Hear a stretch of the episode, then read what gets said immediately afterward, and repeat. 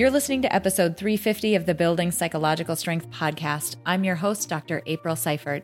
On this podcast, we uncover the information, tools, and techniques to turn our mind into our most valuable asset.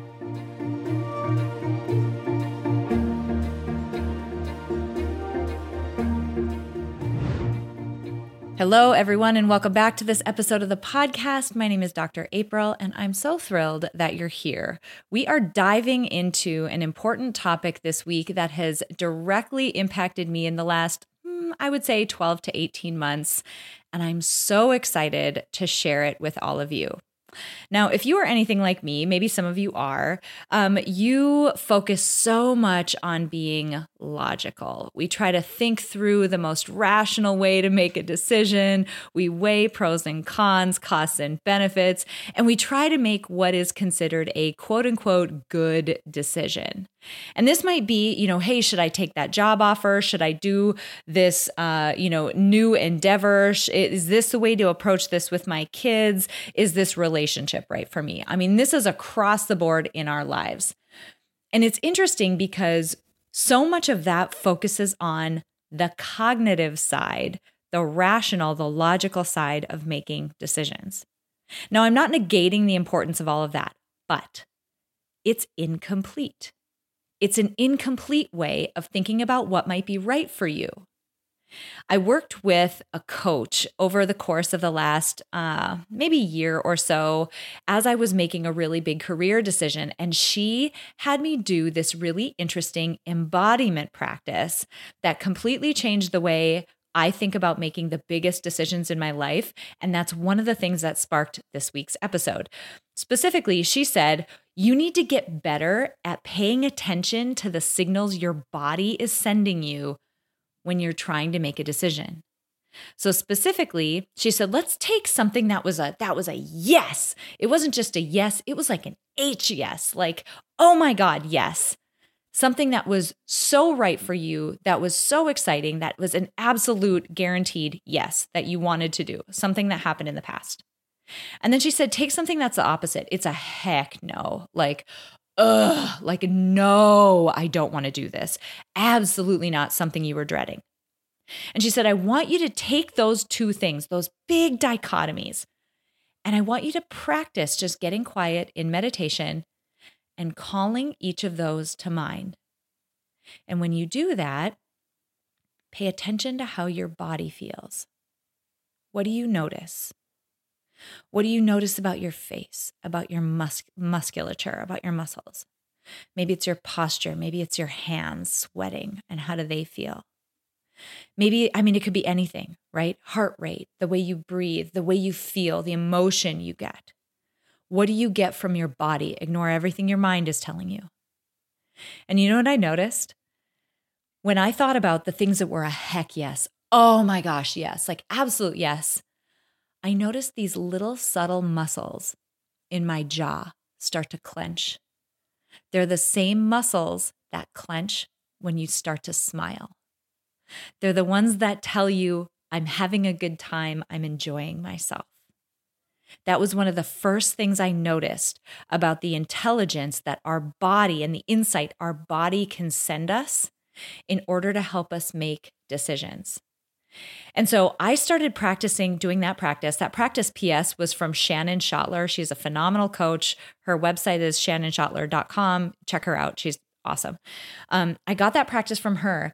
And then coincidentally enough, I met this week's guest, Dr. Amanda Blake, while I was recording for the Wisdom for Life uh, uh, Heart Mind Institute Self Care Summit recently. Some of you might have joined us for that. She was one of the guests, and I knew I had to get her on this podcast because of how transformational these embodiment practices were for me and how much I wanted to share them with all of you but I wanted an expert to actually do it, not just me talking about my own experience. So, quick background before we dive into this interview Dr. Amanda Blake is the author of the award winning book, Your Body is Your Brain. And she's the creator of the Body Equals Brain course on the neurobiology of experiential leadership learning. In addition to teaching about the art and science of embodiment, she works with progressive leaders worldwide to help them become their best self, enjoy life more, and make big, a bigger contribution. Once an internationally competitive athlete, Mandy is skilled at cultivating high performance in herself and others. She's a master somatic leadership coach, holds a degree in human biology from Stanford University, and is both a Fetzer Scholar and a research fellow at the Fowler Center for Business as an agent of world benefit. She's also a longtime yoga enthusiast, mountaineer, musician, and celebrator of life. Woo! I'm so excited for you guys to hear this one. This practice is, or these the set of embodiment practices can be absolutely transformational in helping you make some of the biggest decisions of your life. And I'm absolutely thrilled to welcome Dr. Amanda Blake to the show. Let's roll that interview.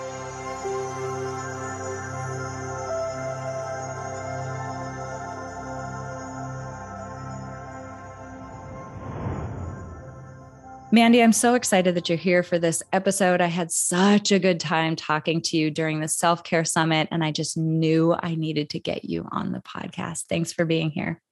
Oh, my pleasure. It's really, um, I'm excited that we get to talk again and go a little deeper on some of the things that we've talked about already. So, yay. Let's roll. Yay, good. Let's start with the basics because this the area that you are an expert in, this idea of embodiment practices, somatic intelligence, this was very new to me. I would say a year to 18 months ago. It blew my mind.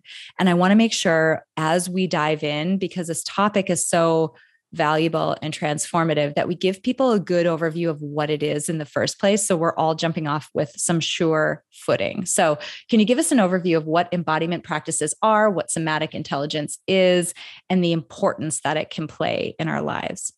Yeah, yeah, totally. So I want to say, well, aside from mind blowing and life transforming, here's what that means. right, um, right. I, we could just stop there, but we won't. We'll go deeper. No, I mean, well, the thing is, April, I agree with you because the same thing is true for me, and it's how and why I wound up devoting my life to um, deepening my uh, uh skill in this area and my own embodied self awareness. So to come back and answer the question, what we're really talking about is your body has an intelligence that you know imagine if you were walking around in the world and i'm going to say you most of us probably are walking around in the world using a tiny sliver of our intelligence mm-hmm. when we learn to tap the information that is just inherently inside of our sensations our gestures our posture, the way we move, the way we're breathing in our everyday lives. So, this is a little bit different from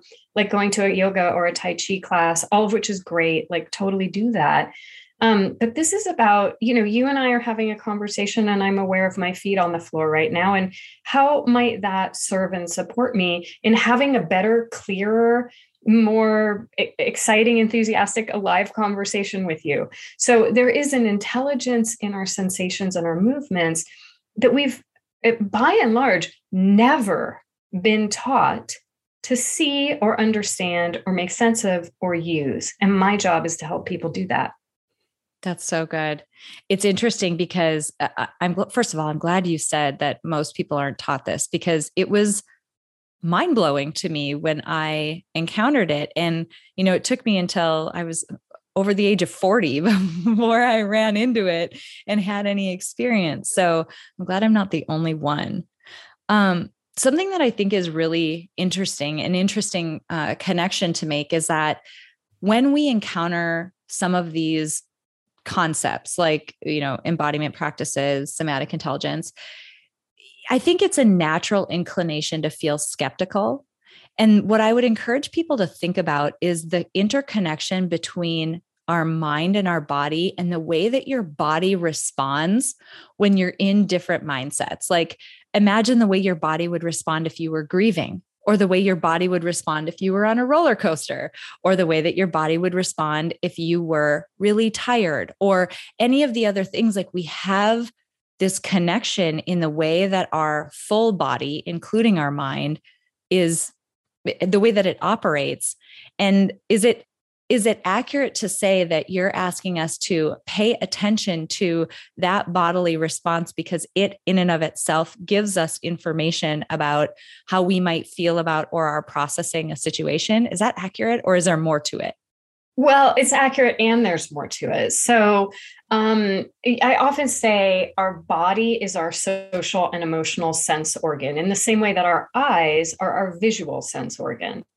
So we learn things and and know things, I would say, about our relationships with other people, about our own response to the world emotionally, about what's um, drawing us forward or maybe makes us want to hold back all of that we know um, largely through our physical sensations. And for a number of neurobiological reasons, that tends to stay outside of our conscious awareness unless and until we're taught how to pay attention and to pay attention to it. Mm. Um, and, you know, I, I, I want to say I share your, um, you sort of pointed to it, it's this can just sound weird and mm-hmm. woo and wacky. Um, and that was true for me. Like I started down this path and started learning some of the things that I now share and teach with people. And I was, you know, we've sort of already made these hyperbolic claims about this being life changing and mind blowing, right? But but my mind was blown, and I was like, "Hang on, I don't get it."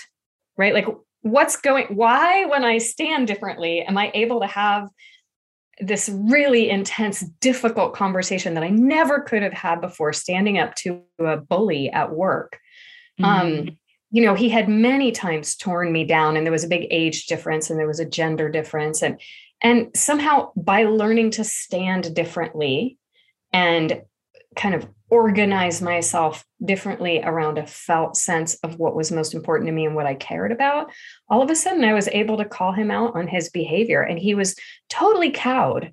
And and he was like, God, you know, I said, "Look, I can't speak to you if you're going to treat me this way. We can't work together well." Mm. And he was like, "Wow, you're right. I really need to do things differently." I mean, it was you know, you talk about like mind-blowing, life transforming. It really really was.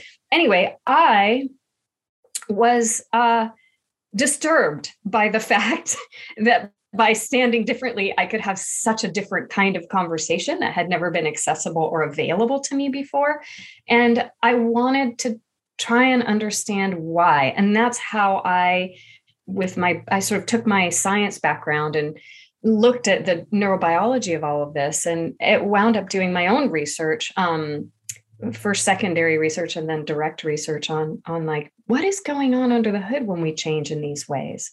So that's yeah enough said about that. But it's weird and woo woo and it's also like really grounded actually and makes so much sense when you understand it that's amazing. Okay, so we've got a group here that does appreciate research and appreci- appreciates the fact that um, the things that we talk about here are very evidence based. Can you talk a little bit about some of that research? What you've found in terms of, you know, people who might um, do these embodiment practices might tap into that that somatic insight and how that can impact our behavior impact maybe how we feel in a situation or the outcome of a situation our capacity for growth i mean all of that. Can you talk a little bit about the underlying mechanisms? Like wh- why it's to answer the question you had why does this work? What's going on yeah, well, that's it's a long answer, so that's why I wrote a whole book about it. But I'll give I'll give you the short answer. And one of the things that I was really fascinated to find is that when you look into each of the different major systems of the body, so you can look into the digestive system or the circulatory system or the neuromuscular system, um, the uh, you know you look into kind of heart gut and lungs in in and the organs in your torso there's so much convergent evidence strictly from the field of biology about how our body communicates upward to our brain mm. information about the surrounding world and it's a sense that we cannot turn off. So, like, we can close our eyes, we can cover our ears. We, there's no 24 7, there's actually no way to turn off our body's responsiveness to that roller coaster, whether you're on an actual roller coaster or an emotional roller coaster, right?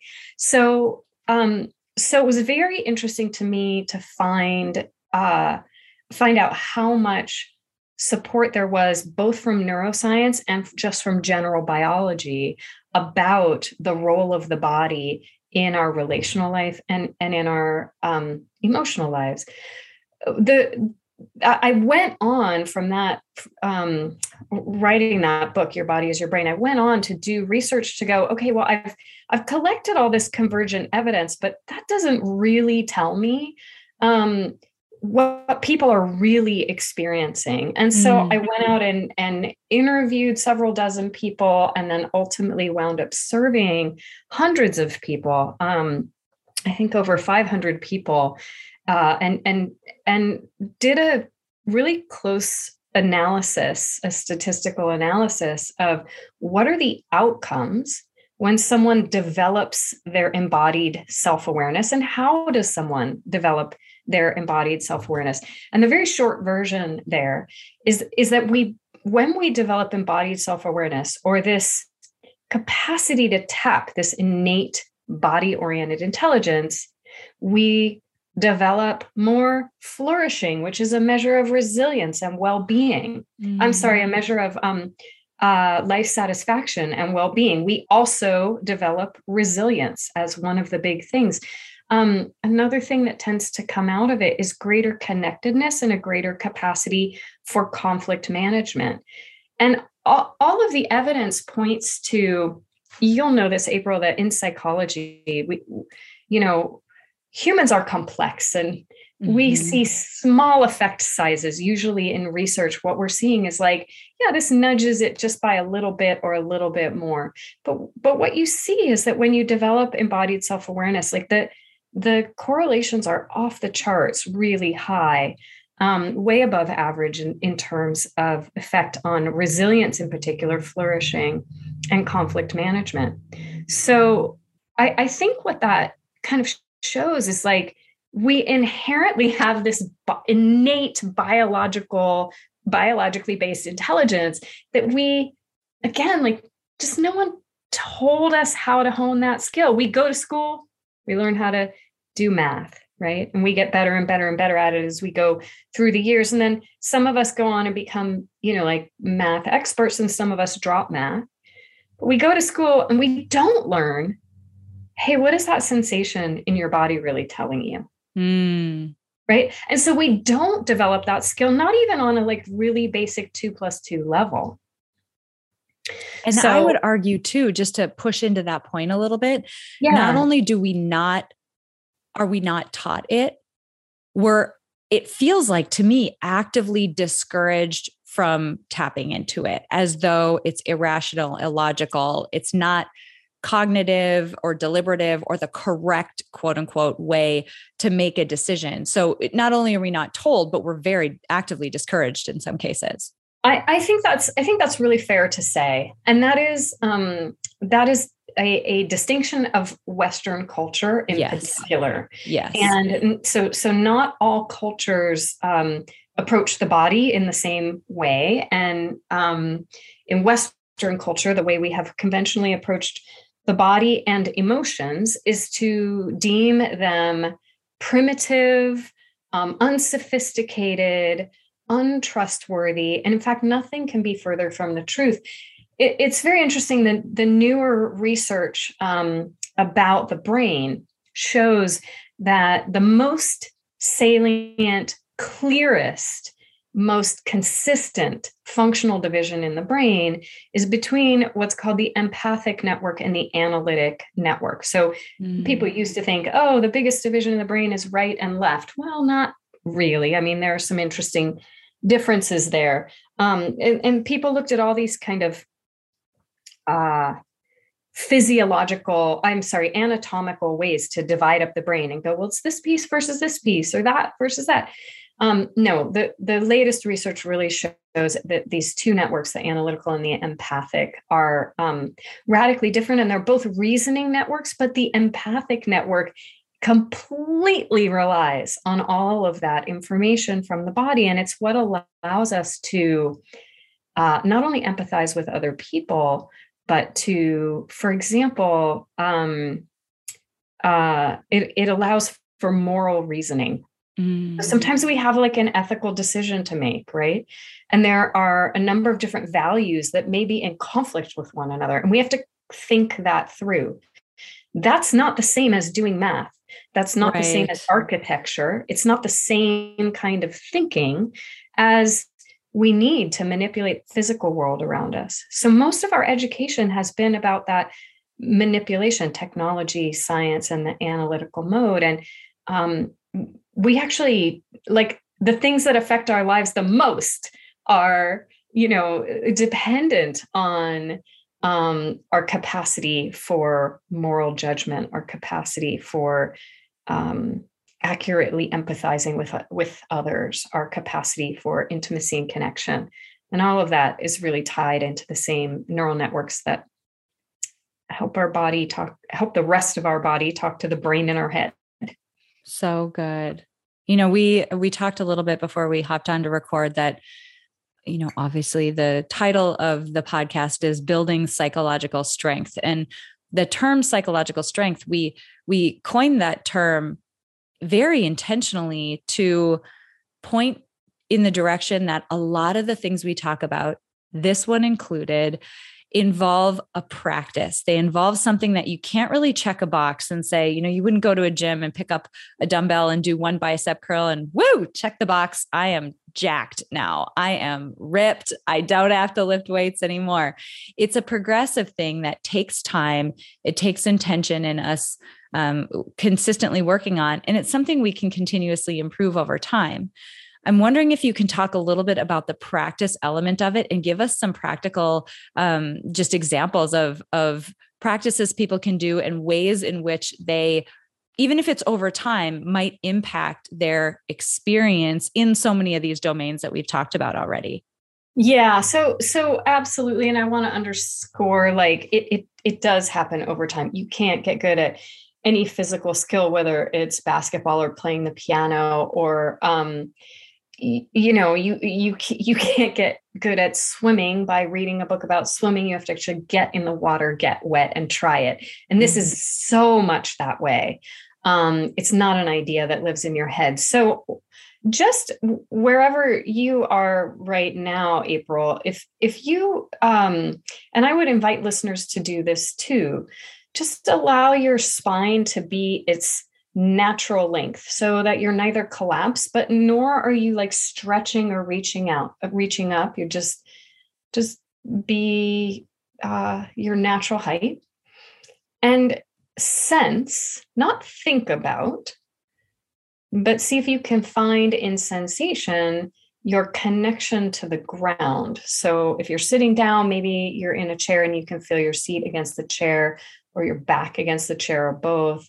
If you're standing, maybe you feel the weight of your body resting on your feet, right? Gravity is pulling us into the earth right in this moment. Can you feel that without letting it kind of pull you or weigh you down, but also without struggling up out of it?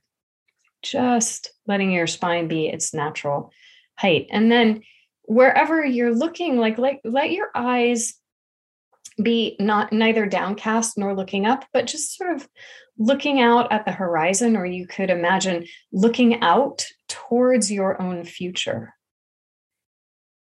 Right. So, where you're weighted and anchored in your own body, you're standing upright in your own sense of dignity and worth, and you're looking ahead perhaps towards what it is you're anticipating with pleasure or what it is you wish to create in the world.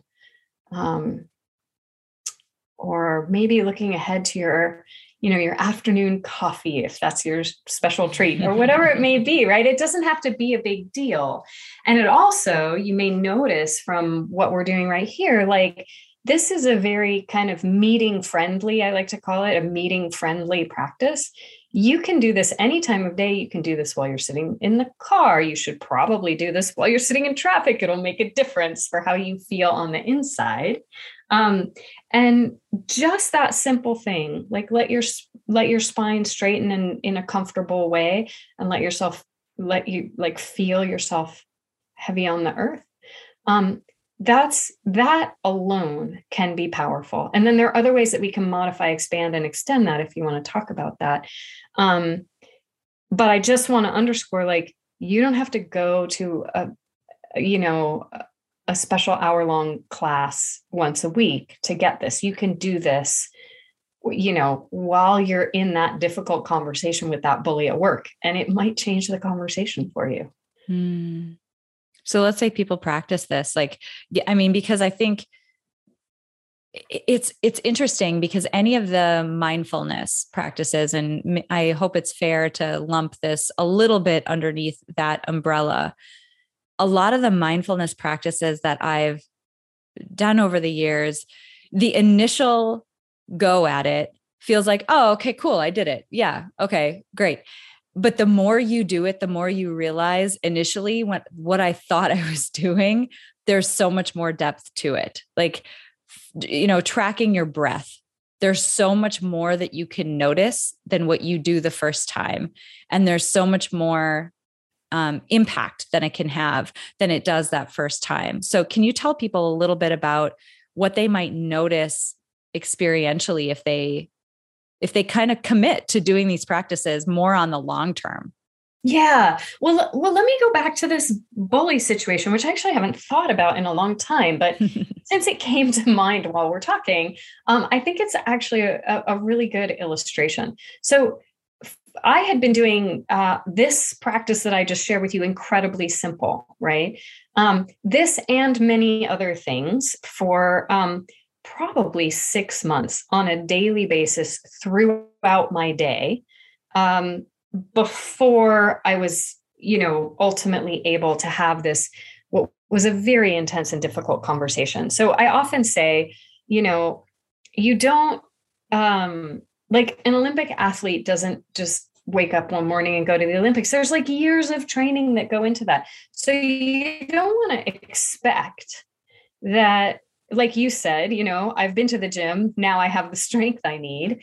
Um, if, if you're going to be building psychological strength, it happens in little bits and little bits over time. And and I, I wouldn't expect it to immediately change your hardest, most difficult conversation. But what can happen over time as your body develops the muscle memory of um, not just straightening your spine, not just feeling yourself present on the earth right in this moment. Um, but also feeling, let's say, a felt sense connection to something that you deeply care about. Mm. So you can do that now, like just, you know, inhale, straighten your spine, exhale, feel the weight of yourself here present on the earth, and just call to, to mind and to heart someone or something that makes you smile and see if you can get a real feeling of that smile, not just on your face, but like the suffusion of warmth through your whole body. And then you could even imagine that glow growing, expanding, extending. Um, maybe even out beyond the edges of your skin. Right.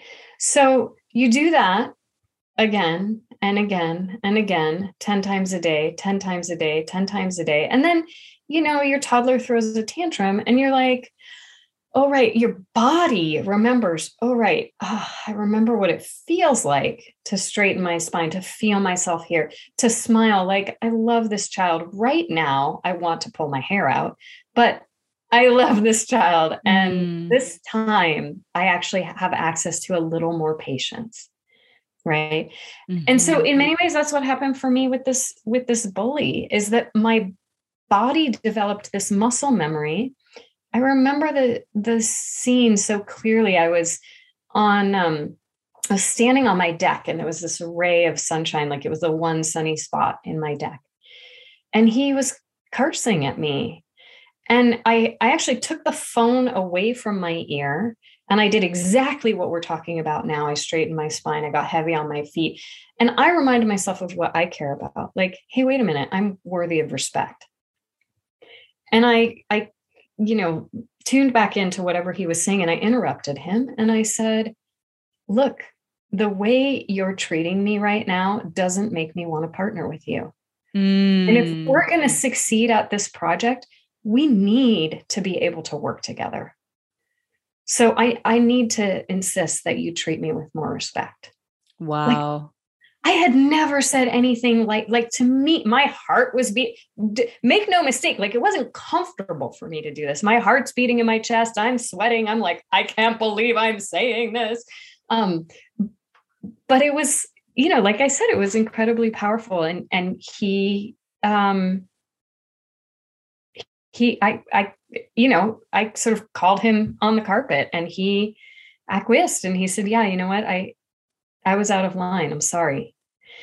And I can't say that he was suddenly an angel thenceforth, but what it did is it shifted the relationship so that I could, you know, then in moments where he was um, starting to get heated again, I would say, "Remember that conversation we had?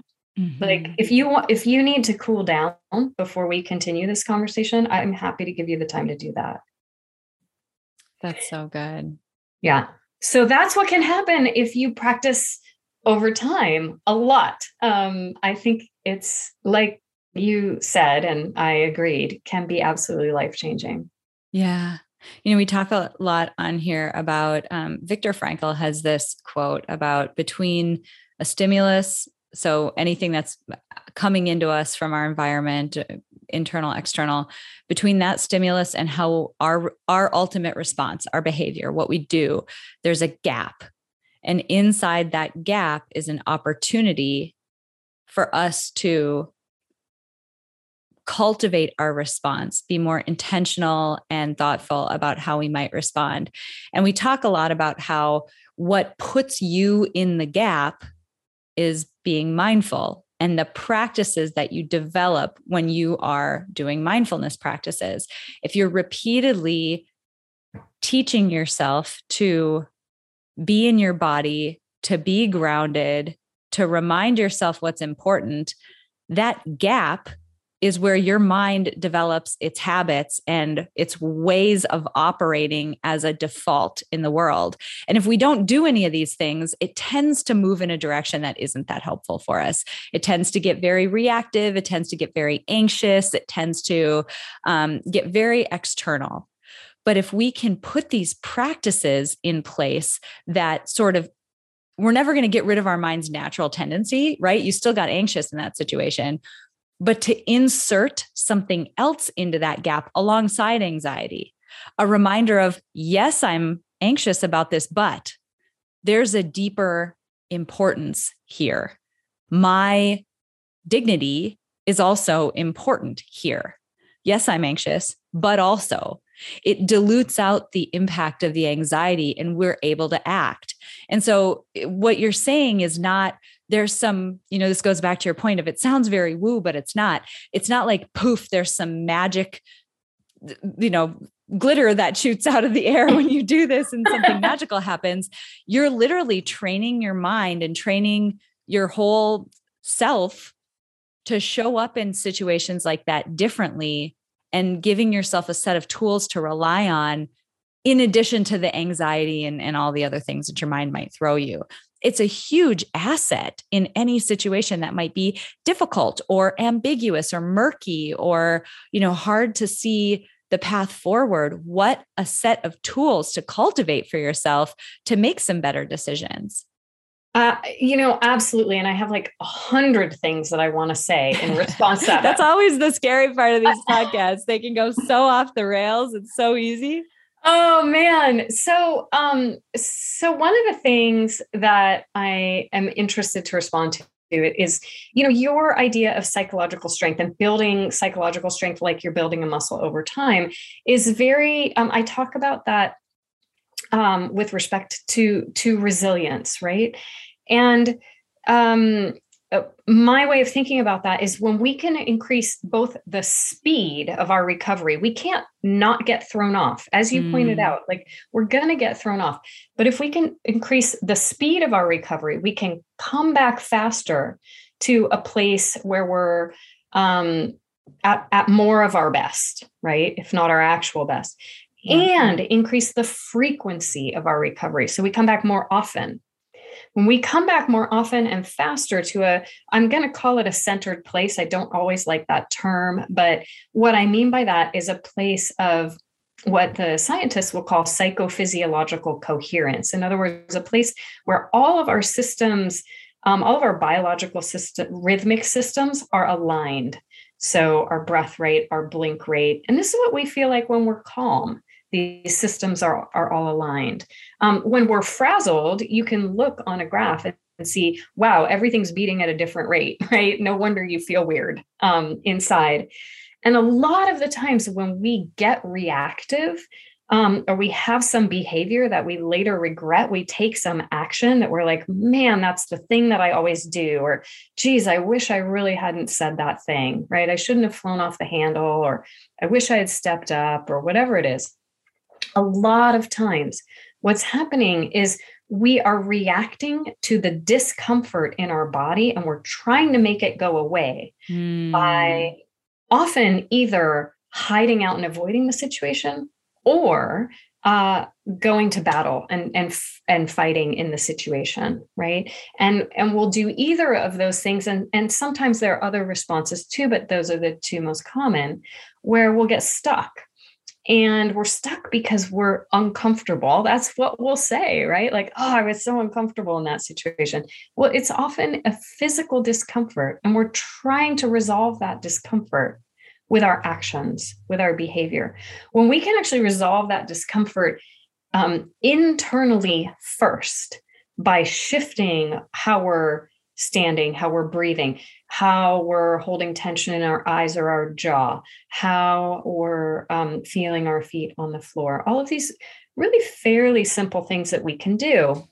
When, when we shift that deliberately, it opens up people say this all the time oh my gosh i didn't even know those words were available there. That was true for me with that bully right? Like the words that we need just show up for ourselves and that's what's true when we're calm and on our best. We're not trying to think of the right thing to say. We just say what's going on right? Like when we're when we're really at our best um we're able to think clearly and communicate clearly. And when we're thrown off physically and physiologically, um, a lot of what happens is the blood flow that normally is going to the more logical thinking centers of our brain kind of shunts back. And you know as we know under stress we we send blood to other parts of our body in order to mm-hmm. respond to the stress right? So what i often say is we know that stress is physi- physiological right? And since we know that stress is physiological it makes sense that resilience has to be physiological. We have oh, to build that in oh, our that's body. Good. Right? Because we can't just show up to stress with like the good idea that we read in the book. Because that yeah. part of our brain is offline when we're stressed. It's not yeah. helping us. Oh, that's so good. No one has ever put it that way before. That if stress is physiological, then resilience has to be. That's so good.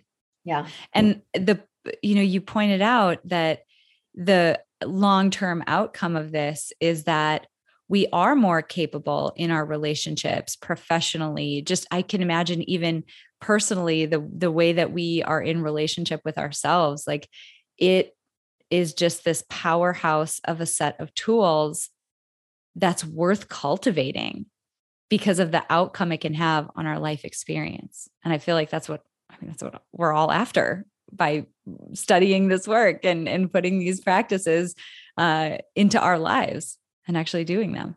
Yeah, you know, I I almost uh, I almost subtitled my my book "How to Get Smarter at What Matters Most." Ooh, that's good. And I think that's really what this work can do. It's certainly what it's done for me. Um, and you know, I in the other conversations that we've had, April, it sounds like it's had that kind of an impact on your life too. Like the things that matter most to us suddenly become way more accessible. Whether it's, you know, we've talked a lot in this conversation about having challenging conversations, but it's also challenging to go after our dreams yes. right it's scary it involves risk and it involves courage and vulnerability and you know stepping out in ways that we maybe haven't done before or challenging ourselves in ways that we maybe haven't done before and all of that um, can also you know initiate the kind of reactivity that might keep us closed or safe or away from what we most deeply long for in life. And so mm-hmm. um, I really do feel like this is a path of getting literally smarter about what matters most to us. That is awesome. I mean, I'm just going to pretend that that's the subtitle of the book because I think it's so great. I mean, it points to it points to the alternative, right? What happens if we don't do this? And it can be so easy. In in my case, when I discovered this set of practices, I found myself so off course and wondering how in the heck I got myself to that place. How did I make, how did I not see that the set of decisions that I made that got me there were just not, I, I mean, compounding the situation, not the right set of decisions for me. And it's because I was muscling through my on brain alone, logic alone, thinking through the costs and benefits of a situation and not paying attention one iota to whether you know one of those routes was the true right one for me whether it aligned to what my values and my end goals and desires were and when yeah. you compound a set of decisions like that over and over 3 4 decisions in you find yourself in a place that is very far from where you actually want to be and yeah. that's when I say this is life changing. It was because once I realized I was there, it was this set of practices that allowed me to have brutally hard conversations to steer the ship back. So it's both proactive and reactive if you find yourself in a situation that isn't the right one for you. This stuff is life changing. That's why I knew I had to have you on. yeah well and you heard you heard me giggling too because you were talking about like muscling through with kind of your thinking self alone and and um I, there's an iconic moment in my life that I go back to again and again where and I wrote about this a, a bit in the book where where I just I I was in college. I was trying to decide like what am I going to do next, and I was very blessed to have options um, and to to graduate college at a time when there were options right? And and i was trying to decide between a variety of things and it was all like on a spreadsheet and all pros and cons, cons, right? And it it it you know fine there's nothing wrong with that i still write lists of pros and cons yeah, but what yeah. i what i do now is i gather all the information and then i step away from it and i um I look at how the the totality of all that information feels from the inside. Mm. And there's you know in the same way that uh, you can get really good at math or computer science or um, english literature or you know fill in the blank teaching right? Whatever it is. Like you study a field you get really good at it. Um, it, it it's also just important to realize like i think there's a little bit of a um a mistaken assumption out there that all you need to do is check in with your gut and you'll always get the right answer. Mm. and that's not actually true. And i don't want to open a whole can of worms towards the end of our conversation here but i just maybe want to issue a but put a little warning label on that says like you you you actually um you know there you can get you can get right and wrong answers in math. And i don't really want to say you can get right and wrong answers from your body but you can get um uh helpful and misleading answers from your mm. body and it takes time you know you underlined this is a practice it takes time to learn um to distinguish your own signals from the inside is this one that I can and want to trust and follow? Or is this one that actually is coming from some old history, some old assumptions that are no longer valid? Yeah. And um, so I just want to, I just want to mention that because I think it's easy to misunderstand this as um, again like sort of we said at the beginning like we dismiss it as unsophisticated it's actually incredibly sophisticated and to make good use of it um, we can do just a little bit but the more we do the more sophisticated we get that's so good i feel like everybody needs to read your book because it's just um it just goes so much deeper into everything that we've talked about. So the book is Your Body is Your Brain. Can you talk about where people can find the book, where they can connect with you, learn more about your work, um, and just deepen the practice that we've just scratched the surface of today? Yeah, absolutely. So the, the book is available at any uh, bookseller. Um, so you can certainly find it on Amazon if you go that route, but independent booksellers all have the book too. So please support your local independent bookseller if you can. Um, and uh, uh, where else to find me? So the the website where you can learn more about this and listen more um, to other podcasts and get a bunch of free resources is called Embright, E M B R I G H T dot org embright.org. And um, there's, uh, I think you may have this link, April, to a centering challenge mm. that, um, uh, and it's right there on the front page of the, the website. It's called Stress to Serenity. And it takes the little tiny piece that we did in um, just in this conversation and breaks it down and expands it much much further so that's available for free on the website people can um, take advantage of that if they're if they're so inclined and lots of other good free resources there as well Perfect. Amazing. I'll make sure I link that up in the description of this episode. So if you're on your device, you can just swipe up and you can click right in to get all of those resources. Mandy, this was so great. It was so nice to chat with you again after self care. And also, um, I just am such a proponent of these practices, and it was great to bring them to this audience and make sure that we are giving the value of this set of practices uh, to this audience because I know it can just be transformational. So, thank you so much for being with us. Oh, thank you, April, for having me. It's once again been an absolute uh, blast of a conversation. So, thank you. Incredible. All right, friends, stick around. I have a few more things that I want to make sure that I let you know about, a few resources that will just help deepen and expand the conversation that we had today, things that I just couldn't get into because we have a limited amount of time. So stick around for just a minute. I'll be right back with those resources.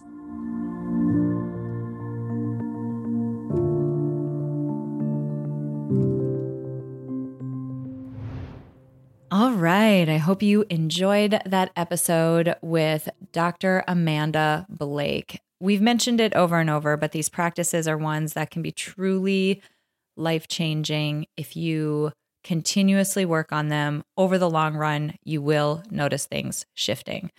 Three things that I want to point out before we close this episode out. Number one, the first resource I have for you is one from Dr. Blake. I've linked the link to her centering challenge. It's called Stress to Serenity. You can just scroll down and get directly to that challenge so you can start to kick things off in your own life. The other two episodes that I wanted to make sure that I called out one is with my personal coach, Shannon Schottler. I mentioned her in the introduction. She is the first person who introduced me to this embodiment, sort of physical insight work. And it was amazing, completely outstanding. So I would love for you to get to know her a little bit more and see what she has to say. So her episode is linked below. She's my personal coach. She is absolutely phenomenal. I want you to definitely check her out. And the last one that I wanted to talk about is this episode. Uh, it's episode 341. It's called Using Micro Behaviors to Combat Anxiety.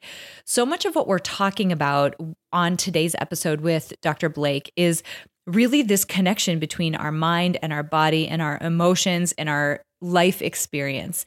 This episode, this micro behavior episode, is one that leans on cognitive behavioral theory. And really, that just points to everything I just mentioned the connection between our mind and our body, and specifically the impact that our behavior has on how our mind responds. Our behavior and our body sends a powerful message to our mind to tell it whether we're okay or not. So when our mind encounters a situation it doesn't understand, or one that feels ambiguous, or one that feels even slightly threatening, it immediately gets anxious. That's its job. But we can use our behaviors, we can use our body to send a signal back to our mind to say, you know what? Thanks for worrying about me. We're actually okay out here. Everything is okay. And so that episode 341 using microbehaviors to combat anxiety is one where we dissect the interconnection between our mind, our body, our emotions, our life experience. And I offer some practical tips about how you can start to use your own behavior to calm your mind down and calm your anxiety. So I hope those three resources help. And I really hope you enjoyed this episode with Dr. Amanda Blake. I loved speaking with her on the Self Care Summit. If you joined us from the Self Care Summit and that's why you're here, hi, thank you. I love that you're here. And please stick around because we talk to experts like this all the time.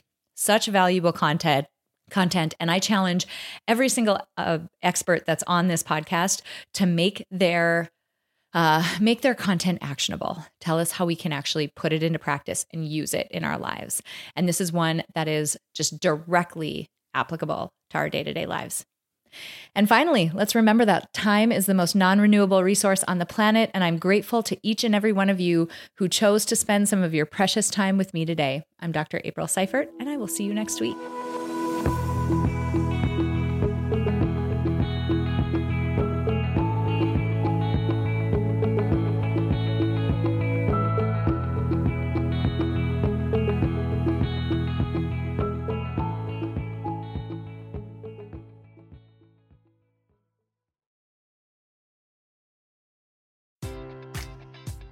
Enjoy all your favorite sports like never before at BetMGM. Sign up using code CHAMPION and receive up to $1,500 back in bonus bets if you don't win your first bet. When you register with BetMGM, you'll get instant access to a variety of parlay selection features, live betting options, and the best daily promotions in the business. And with BetMGM at your fingertips, every play and every game matters more than ever. Remember to use code CHAMPION and receive up to $1,500 back in bonus bets if you don't win your first bet. Place your money line, prop, or parlay bets with the king of sportsbooks today. BetMGM and GameSense remind you to play responsibly. See BetMGM.com for terms. 21 plus only, Virginia only. New customer offer, subject to eligibility requirements. Rewards are non withdrawable bonus bets that expire in seven days. Gambling problem? Call 1 800 Gambler. Promotion, promotional offer not available in Washington, D.C. As humans, we're naturally driven by the search for better. But when it comes to hiring, the best way to search for a candidate isn't to search at all. Don't search, match with Indeed. When I was looking to hire someone, it was so slow and overwhelming. I wish I had used Indeed. If you need to hire, you need Indeed. Indeed is your matching and hiring platform with over 350 million global monthly visitors, according to Indeed data, and a matching engine that helps you find quality candidates fast. Ditch the busy work. Use Indeed for scheduling, screening, and messaging so you can connect with candidates faster. And Indeed doesn't just help you hire faster. 93% of employers agree Indeed delivers the highest quality matches compared to other job sites, according to a recent Indeed survey. And listeners of this show will get a $75 sponsored job credit to get your jobs more visibility at Indeed.com slash podcast. That's Indeed.com slash podcast. Terms and conditions apply.